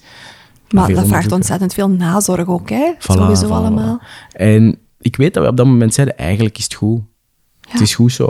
Een tweede kind hoeft voor ons niet. Maar wonderwel is ons Eddie ook geboren. Maar ja, dat is dan geen zorgeloze zwangerschap nee, meer. Hè? Nee. Kan ik mij voorstellen. Dan Ja. kom je in het idee van, we gaan elke echo te goed bekijken, dubbel checken. En dan heeft die gynaecoloog daarmee ook gezegd op 38 weken, ja, kom, keizersnede, we gaan Mhm. geen risico pakken. Vaginaal bevallen brengt voor de mama te veel risico mee, terwijl allee, Amber is vroedvrouw, die wist perfect dat het kon. Mhm. Maar ja, die 40 weken zijn niet zorgeloos geweest. Dus bij elke echo stelt u de vraag, is deze wel oké? Zie ik nu niks over het hoofd? Ziet de gynaecoloog nu niks over het hoofd? Mhm. Het, Ja. het contrast was immens. Ja, en misschien nog een klein beetje teruggaand in de tijd. Jullie hadden dus eigenlijk na Lily besloten van, eh, toen voorlopig, het is oké met ons Lily alleen. En ons initiële idee van twee kindjes misschien, park- parkeren we dan nu toch op deze moment? Of, Ja. hè? Jullie hadden anticonceptie. Wanneer werd voor jullie duidelijk van, hmm, zou Amber zwanger zijn? Eh, wacht, ik ben, ons Ellie... mm, mm, mm, dat is een moeilijke, dat weet ik eigenlijk ook niet meer, 100%. Ik weet dat we... Dat, dat, ik had het aan Amber gemerkt. Ay, Amber nam de minipil, gaf borstvoeding, ik dacht, ja, we zijn, we zijn gecoverd, het is allemaal oké. Maar na vijf maanden, denk ik, ja, Lily was vijf maanden oud, en dan begon Amber zo prikkelbaarder te worden. dacht ik van, mm, ze reageert korter, er scheelt precies iets mee. Ik ga toch eens vragen, zeg, kan het misschien zijn dat je in verwachting bent? En dan heeft ze zwangerschapstest gedaan en dan bleek inderdaad dat ze zwanger was. Wat was jullie eerste, of wat was jouw eerste gevoel Mijn daarbij? eerste, ik was blij. Ja, ik was Ja? blij, ja. Omdat het lot dan toch beslist ja. had voor jullie? En Ja. nieuw leven is altijd leuk. Ja. Eh, Oké, het was even zo van, oh nee, nu al? Mhm. Oeh, dat is heel kort op elkaar. Lily was nog geen, ja, geen vier maanden oud Ja. op dat moment. Ik dacht, oh nee, nu, wat gaan wij doen? En je, je zet je al wel aan het verplaatsen naar het moment dat Ellie geboren zou worden. Van ja, Lily kan toch al ju- juist kunnen lopen, juist niet kunnen lopen. Juist een We jaar. gaan de zorg moeten hebben. We, moeten, eh, we gaan echt, jij één kind, ik het andere kind. En het gaat opeens van één naar twee. Oh, wat gaat er gebeuren? Mhm. Hoe gaan we dat hier oplossen? Een nieuw bedje bij, een kamertje creëren. Maar het was wel voor jou onmiddellijk duidelijk van oké, dit was niet gepland, maar dit kindje is wel welkom. Ja, ja, ja. Was dat voor Amber ook zo? Of is, of is er ook wel de overweging geweest van gaan we met deze zwangerschap dan wel doorgaan nu? Allee, wat ik me ook prima kan voorstellen als het zo rap en zo onverwachts. Wij hebben ehm, voor onszelf ook altijd wel verteld, als er een zwangerschap is, of als Amber zwanger is, dan gaan we onze verantwoordelijkheid niet ontlopen. Oké, Dat is teken dat het lot zo het beslist bepaald heeft. voor jullie. Ja. En dat is onze eigen, eigen schuld geweest. Klinkt nu zwaar, maar dat is onze beslissing geweest. We hebben het risico genomen om zwanger te worden. Ja, kijk, dan gaan we daar gevolgen van dragen. Ja, We- Er is geen seconde in ons opgekomen van, we gaan hier niet mee door. oké. Van 1 naar 2 is een heel heftige stap, maar we hadden wel het idee van, we gaan dat doen. En Lily was op dat moment... Dus zij was geopereerd, haar duimke was ondertussen ook geopereerd. Ja. Zij was fysiek, medisch was zij oké hersteld op dat ja, moment? ja. zij dronk goed, zij at goed. Allee, eten, ja, aangezien die slokdarm, hè, ehm, daar zitten bepaalde spieren die de peristaltische beweging niet doen, Mhm. of minder doen, waardoor dat zij altijd heel gemalen eten moet krijgen. Ja. Dat is nu minder, hè. Nu is dat, ze is nu drie jaar en we maken ons over niks meer zorgen. Die eet goed, die drinkt goed, alles amai, perfect. ja. Die is supergoed hersteld. Maar die eerste maanden, als die fruitpap kreeg, Mocht puree, er geen stukjes in nee, zitten. moest echt, echt, echt super Ja. gemalen zijn. Ja, oké. Maar eigenlijk wel heel goed ontwikkeld verder. Gewoon Ja. een gezond kindje. Ja, ja, ja. Ze is een heel mondige, heel lieve. Van tijd was stoute, maar Mag, een schat van een kind. Ja. En het, het leuke om te zien is, hè, ze hebben ons dan na, met haar duimpje de, de beslissing of de keuze gelaten van, ga je de wijsvinger transfereren naar de duimpositie Mhm. en ga ze met eigenlijk drie vingers verder leven en, en een duim waar ze de pincetgreep mee kan doen, of laten we de wijsvinger staan en laten de duim gewoon weg. En wij hebben nu gekozen om de duim weg te laten, Ja. zonder de wijsvinger in de plaats te stellen. En we zien, oké, haar handje is minder, minder mobiel Mhm. dan haar andere met de pincetgreep, maar zij heeft enorm veel kracht in haar hand. Ja. En zij kan bepaalde zaken doen dat we nooit gedacht hadden dat die zou kunnen. De fijne motoriek is er wat uit, maar zij kan met haar handje drinken, zij kan dingen vasthouden. Oké. heeft zoveel kracht in dat handje. En haar wijsvinger is zijn eigen ook aan het, aan het, aan het zetten. verplaatsen of ja, zo, die ja. verplaatst. Die kan haar wijsvinger heel ver opendraaien, Ja. waardoor dat die pincetgreep toch nog halvelings lukt. En dat ze daar wel veel kracht mee kan uitvoeren. Ja. Dus zij heeft eigenlijk van haar nadeel een voordeel gemaakt. Dus ze is daarmee leren omgaan. Ja. En ik moet zeggen, ik, het- ze verbaast mij elke dag met wat ze kan met dat handje. Ja, wauw. Hier zit een fiere papa voor mijn Ja, micro. absoluut. Dat is alle drie de kindjes. Maar als ik zie welke weg dat Lily heeft afgelegd... Ja, ja, ze heeft toch wel echt een moeilijke start Ja, ja, gehad. hè? ja, absoluut. amai. Zij is linkshandig dan, veronderstel ik. Het is aan haar rechterhandje. Ja, het is aan haar rechterhandje, Ja. maar ik weet niet dat ze linkshandig is. Ik heb het Maar het is gevoel drie dat jaar, het is inderdaad nog niet per se beslist. Ja. ze... Nee, ik denk dat ze een beetje met twee handen werkt. Ze kan, Ja. Ze kan met een potloodje tekenen met rechts, dan knijpt ze tussen haar wijsvinger en haar middenvinger. Daar tekent ze daarmee. Maar ze kan het ook met links. Dus bidexter, Ja, dat is ja. gewoon een voordeel. Ja, dat is echt een voordeel. Dus ik zie dingen waar ik van amai, oeh, dat zou ik nooit niet kunnen. Ja, wauw. Dat is knap, hè, hoe dat jonge kinderen, ja, hoe dat die daar eigenlijk mee omgaan enerzijds. Zij kent natuurlijk ook niks anders. Maar hoe, ja, hoe dat, dat lichaam zich Ja. dan zelf aanpast. hè. Ja, de flexibiliteit zot, van haar hersenen is immens. Ja, wauw. Die heeft, die heeft leren omgaan met, met haar nadeel en zij doet dat echt voortreffelijk. Wauw, dat is leuk Ja, om te ja. horen. Jullie waren dus binnen het jaar bijna, hadden jullie bijna twee kindjes. Ja. Die zwangerschap, je zei het zelf al, het was natuurlijk wel wat, mm, allee, je was meer bezorgd. Mhm. Het was niet per se de roze wolk zoals dat je bij Lily gekend had. Ik kan me inderdaad ook voorstellen dat die echo's, ja, dat dat ook altijd een dubbel moment is. Ja. En ook al zijn de echo's dan goed, ja, dat dat nog altijd een spannende blijft tot als, ja, tot als dat kindje geboren wordt. Want vorige keren was er ook niks gezien. En ze hebben de beelden Nee. terugbekeken, ze hebben ook niks kunnen vaststellen. En we kunnen inderdaad echografisch niet alles altijd nakijken. Hè? We kunnen veel, maar niet alles voorspellen. Hoe leefden jullie toen naar die bevalling van, Ellie? Van Ellie. Ehm, Want je zei daarnet al, je bent op 36 weken veranderd van gynaecoloog. Hè? Ja. Omdat het anders weer een geplande keizersnede zou worden op 38 weken. Dat voelde niet goed aan voor jullie Nee. allebei. Amber wil heel graag de kans nemen om toch een vaginale, Ja. een VBAC, hè, de vaginal birth after cesarean. Ik veronderstel dat de gynaecoloog dat liever niet wou, omwille van het risico op het scheuren van het litteken. Mhm, terwijl klopt. dat dat een laag risico is. Zo'n risico van tussen 0,3 en 0,5 procent, denk ik uit mijn hoofd. Dus ehm, u zou het ook als een laag risico kunnen zien, maar dat voelde voor die gynaecoloog. nee, nee, die gynaecoloog heeft nooit iets anders gekend. Hè. Dat is iemand 60 plus, richting de 70.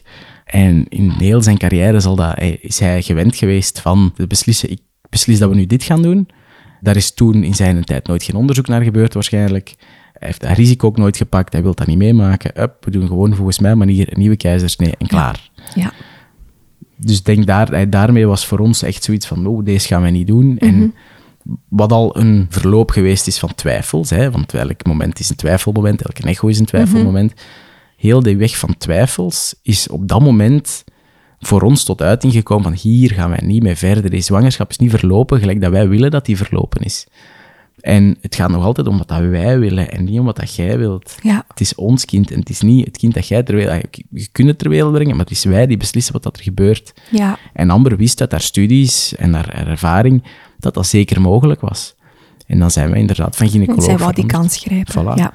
Was het ook in die zwangerschap dat er heel wat naar boven kwam dan over de, hoe het verlopen is bij Lily? Al zijn 40 weken, drie dagen, dan is de inleiding geen discussie mogelijk. Is voor jou, want je zei op die moment heb ik dat op zich wel nog oké ervaren.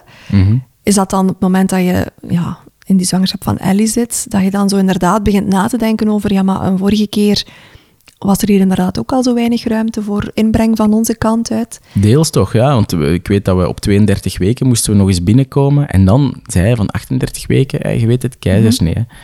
En dat we naar elkaar keken, dachten van, deze klopt niet. Deze, is, deze voelt al niet juist aan.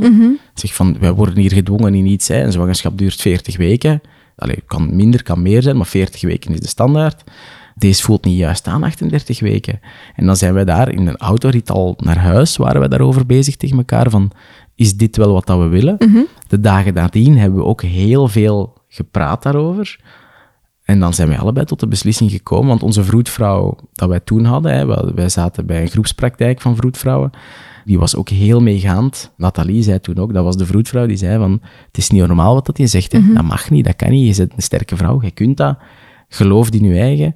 En zij hebben dan, in overleg hebben we dan vrij snel de beslissing genomen van, kijk, met die gynaecoloog gaan wij niet verder, en we pakken eh, de vrouwelijke gynaecoloog, die dat eigenlijk echt uit het het beeld van de oermama werkt, die zegt van kijk, je hebt kracht genoeg in u, dat risico is inderdaad heel laag. Normaal gezien pak ik geen patiënten meer aan die 36 weken zijn, of mama's die 36 weken zijn. Maar als ik jullie verhaal hoor, verdiende dat wel. En Ja. dan heeft zij ons erbij gepakt, nog twee controles gedaan. En ehm, dan is Ellie ook ingeleid geweest. Oké. Maar dat is al al in een heel... Allee, het eerste deel van de geboorte van Ellie verliep zoals dat van Lily. Oké, en, En- wat was de reden van de inleiding? Eh, ik denk dat Amber toen 41 weken en 5 dagen was. Ja. Toen waren we echt wel... En dat is inderdaad al voor meerdere wat de limiet. Hè? Inderdaad, Voilà. de 41,3, 41,5. Ja. Ja, dus we zaten echt al wel tegen onze limiet aan. We hadden dat ook afgesproken met de gynaecoloog. Van kijk, tot daar willen we gaan. ja. Maar er was dus we- wel al ruimte geweest om verder te Voilà. gaan dan die 40 weken, drie dagen. We hebben optimaal mogen kiezen. We hebben optimaal mogen, mogen zeggen van kijk, zover willen we gaan. Die heeft ons daar volledig in gesteund. Mhm. Die zei ook van ja, je kunt zelfs nog twee dagen verder dan de datum dat wij stellen. Zei, voor mij is dat geen probleem. Ja, Dus dat is gebeurd.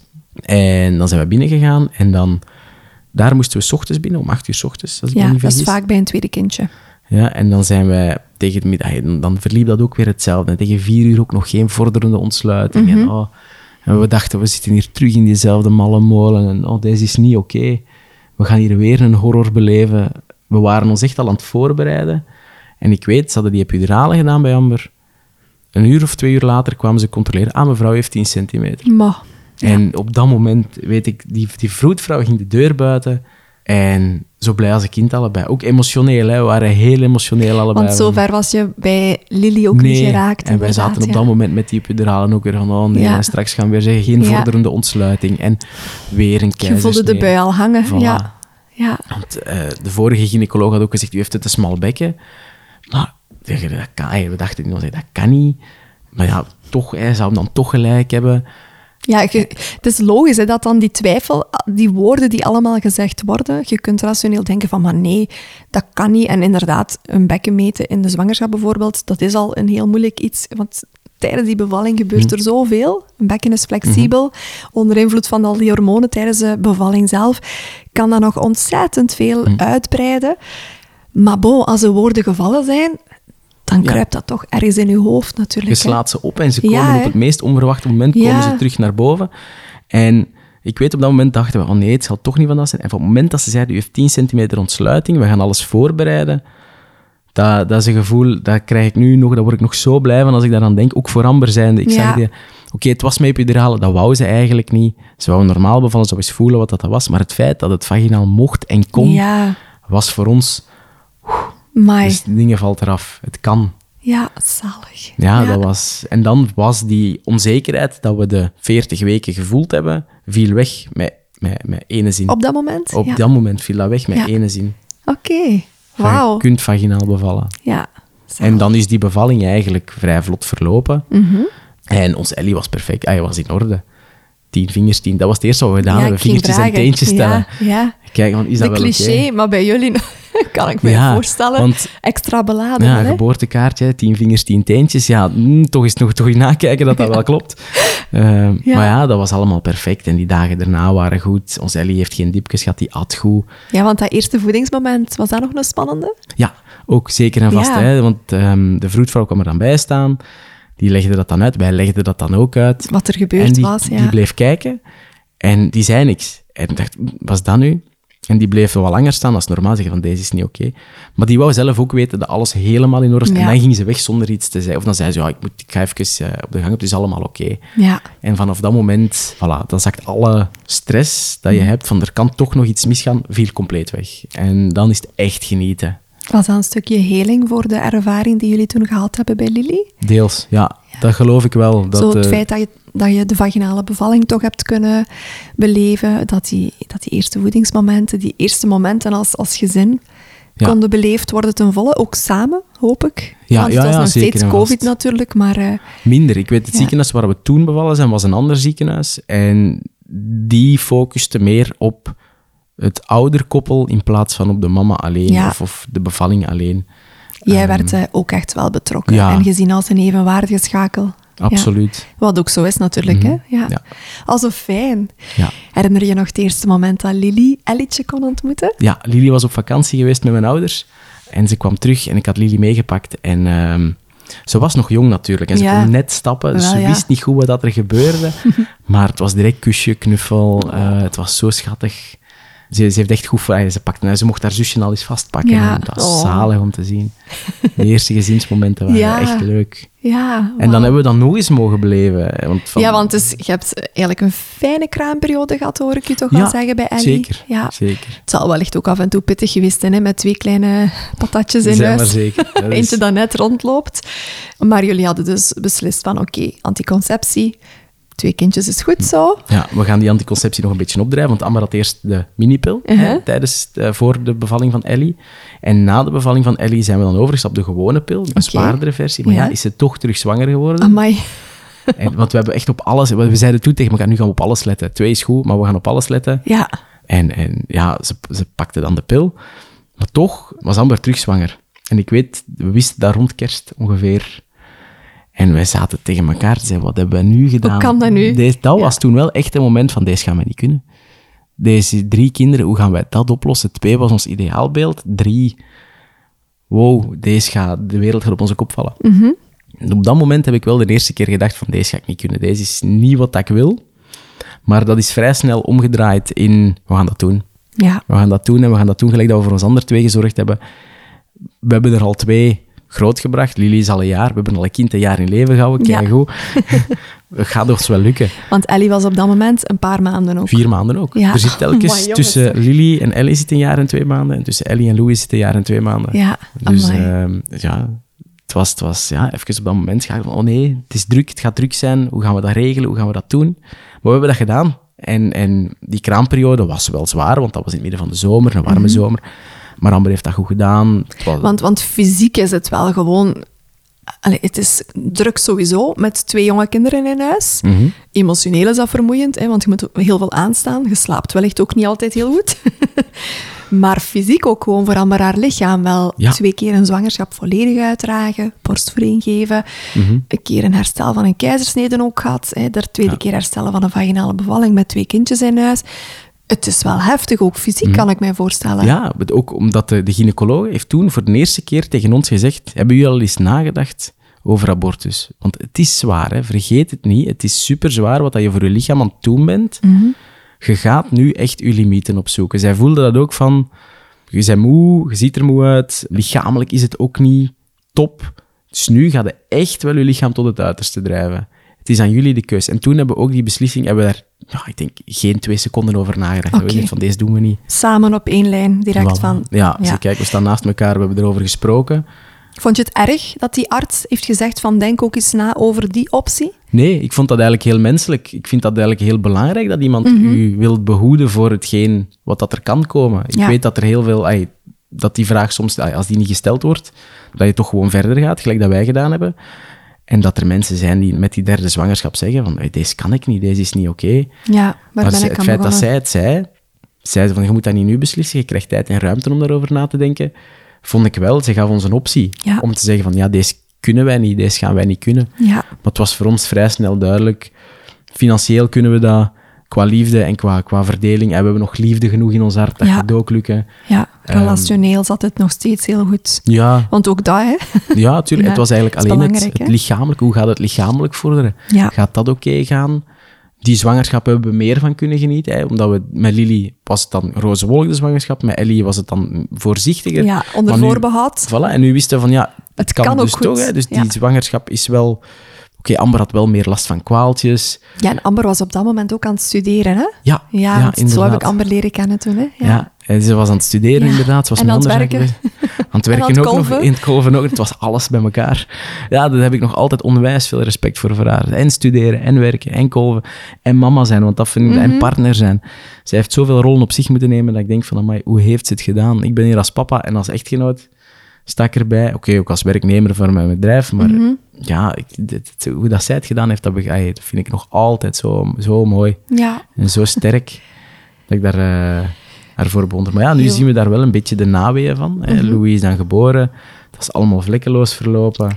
Maar het is een heel mooie bevalling geweest, Ja. had ik gehoord. Hè? Ja. Wilde daar iets meer over vertellen? want dat is Ehm, misschien dan toch wel een stukje de kers op, eh, op Ja. de bevaltaart. We- Amber had de, de dagen, weken voor de geboorte van Louis al last. Hij begon al wel zwangerschapskwaaltjes en, en, en ja... En meer voorweeën waarschijnlijk. Voilà, en- wat dat ook heel typisch is, hè? bij een, een derde kindje.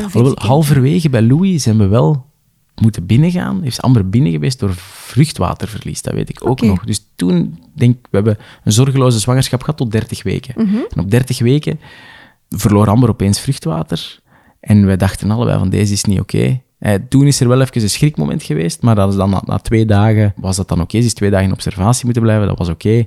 Dus dat was dan weer even een moeilijk momentje. Maar daarna is alles terug vlot verlopen. En ze begon wel last te krijgen voorwee. En ze zei, ah, het gaat eindelijk beginnen, het gaat eindelijk eens gewoon. Want Amber droomde er altijd van om mij te kunnen bellen op mijn werk en te zeggen, hey, zeg, mijn water is gebroken. Ja, of, eh, kom maar af. Het is begonnen, kom Ja. maar af. Maar dat gebeurde niet. En dat bleef maar rommelen, rommelen, rommelen, maar niet doorzetten. Ja. En elke keer dat we dachten, ja, het gaat gebeuren, het is bezig, Viel het viel stil. het stil s'nachts. En dacht oh, Zo verdorie. typisch hè, bij een derde kind. Ja, verdorie. hè. Zo'n En dan mindfuck. ook inleiding gepland. En we zijn dan binnen gegaan voor de inleiding. En toen had Amber 4 centimeter bij die inleiding. Dus die zeiden van, ja, Dat is Had- net dat tikske dat nodig is Voilà. nu misschien voor spontaan verder... voilà. Hadden nu, allee, wat hebben ze gedaan? Ze hebben weeënopwekkers, maar de minimumdosis, Ja. echt een absolute minimum. En haar lichaam nam over. voilà. En hoe ver was ze op dat moment? 41 weken en drie dagen, vier Ja. dagen ook zoiets. Amai. dat is toch ook wel heel... Ja. eh, heel eh, Want er was sprake dat stevig. Amber sneller zou moeten bevallen, omdat Louis nogal groot werd en in gewicht ook aan het stijgen was, volgens de echo's. Dus ja, er was al zo wat, "Hm, gaan we toch sneller? Maar uiteindelijk toch vier- 41 weken en eh, drie dagen. mhm. We komen binnen, die weenopwekkers gegeven en ze was direct vertrokken. Ja, ik En- vergelijk dat soms met een appel die rijp aan de boom hangt. En soms is dat als je een tikje geeft, valt een appel naar beneden. En soms is het inderdaad, hè, als je gewoon één snuifje van de Mhm. oxytocine geeft en van de Sinto geeft, of eh vliezen breekt, dat inderdaad het, het lichaam wel het proces ineens oppikt. Want er is natuurlijk ook de spierherinnering van die Mhm. baarmoeder ook. En vaak weet hij dan wel al wat hij moet doen en Ja. neemt hij wel het proces mooi over. En vanaf dan is eigenlijk alles verlopen gelijk in de film. Ja. dus Ze is, is ontsluiting beginnen krijgen. Dan bleef ze eventjes op 8 centimeter steken, een uurtje of twee. En dan kwam de vroedvrouw opnieuw binnen, opnieuw controle. Ja, 10 centimeter en bevallen. En zonder epidurale. Zonder epidurale. En van een stevig jongetje, hè? Amai, Louis woog 4 kilo 500 en was 53 centimeter. En de gynaecologe zei toen, ja, maar Amber, uw bekken zijn niet te klein. Nee. Ik heb nog een centimeter ruimte. Ja. Dus die klein had gerust nog 500 gram meer mogen wegen. Die was er nog uitgekomen. Ja.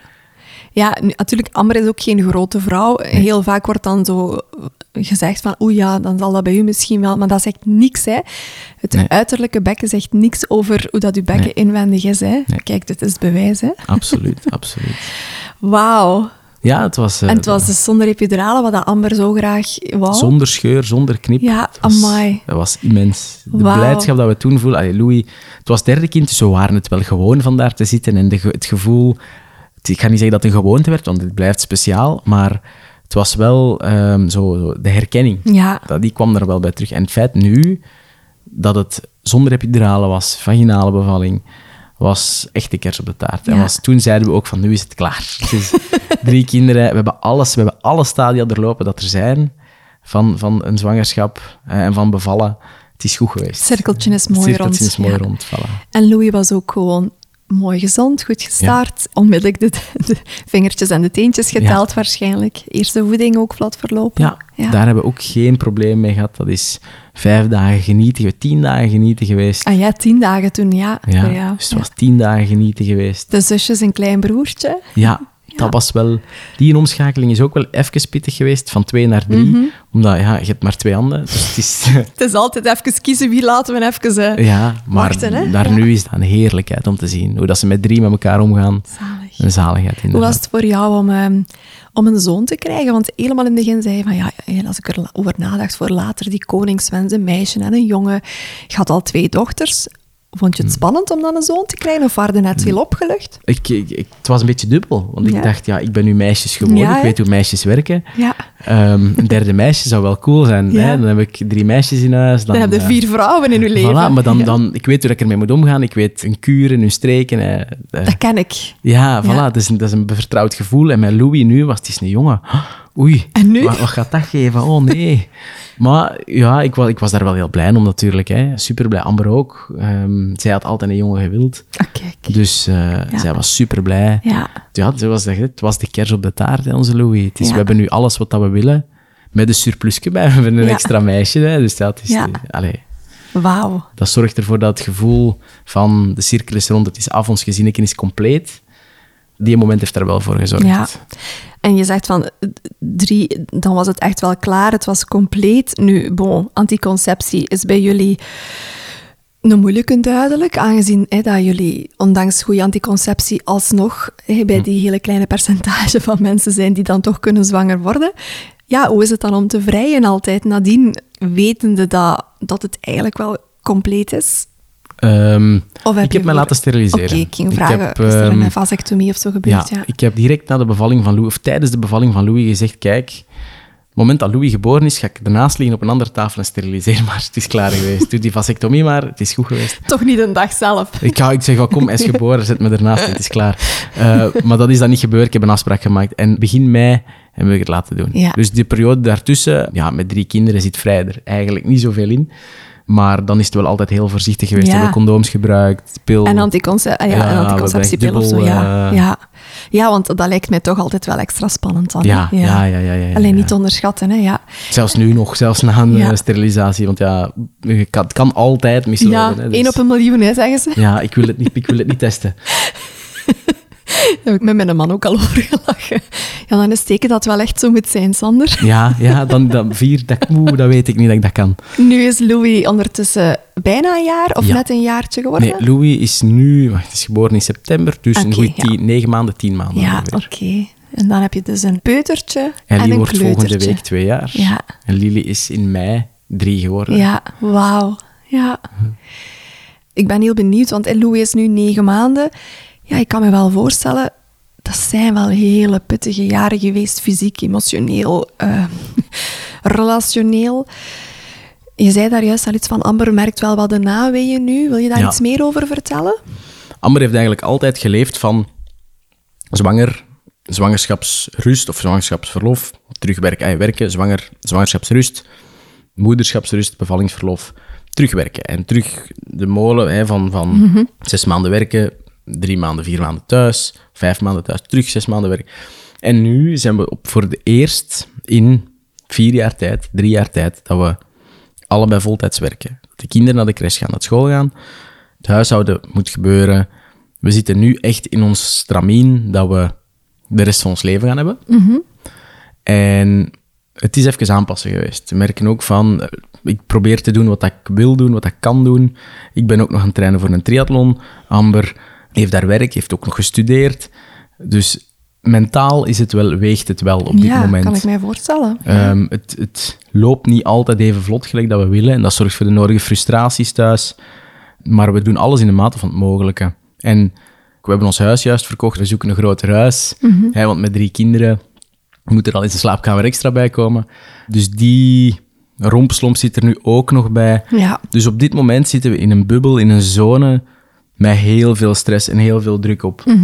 Maar ik heb wel het gevoel van eens dat we ons nieuw huis hebben, dat we daarin mogen, dat alles terug rustig, dan gaan we onze plek vinden, gaan we ons ritme vinden en dan, dan, dan gaat alles wel teruglopen gelijk voorheen. ja.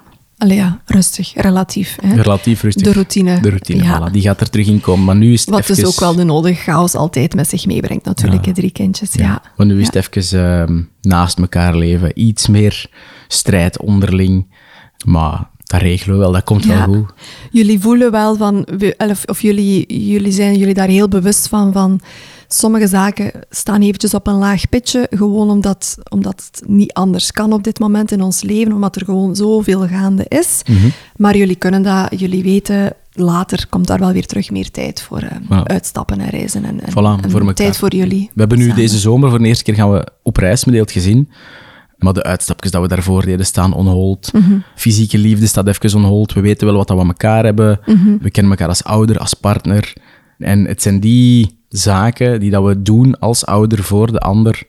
Of de huishoudelijke taken die we doen voor elkaar als een ander. Want we werken Dat allebei in shiften. Ja, dat je daar en het respect voor elkaar Voilà. blijft voelen en Ge- geven. Ja, voilà. Het is niet, we tonen het niet elke dag dat we elkaar graag zien fysiek, Mhm. maar we tonen dat in de zaken die we proberen van de anderen over te nemen. Ja. Zeggen van, kijk, oké, Amber is vandaag alleen thuis met de kinderen.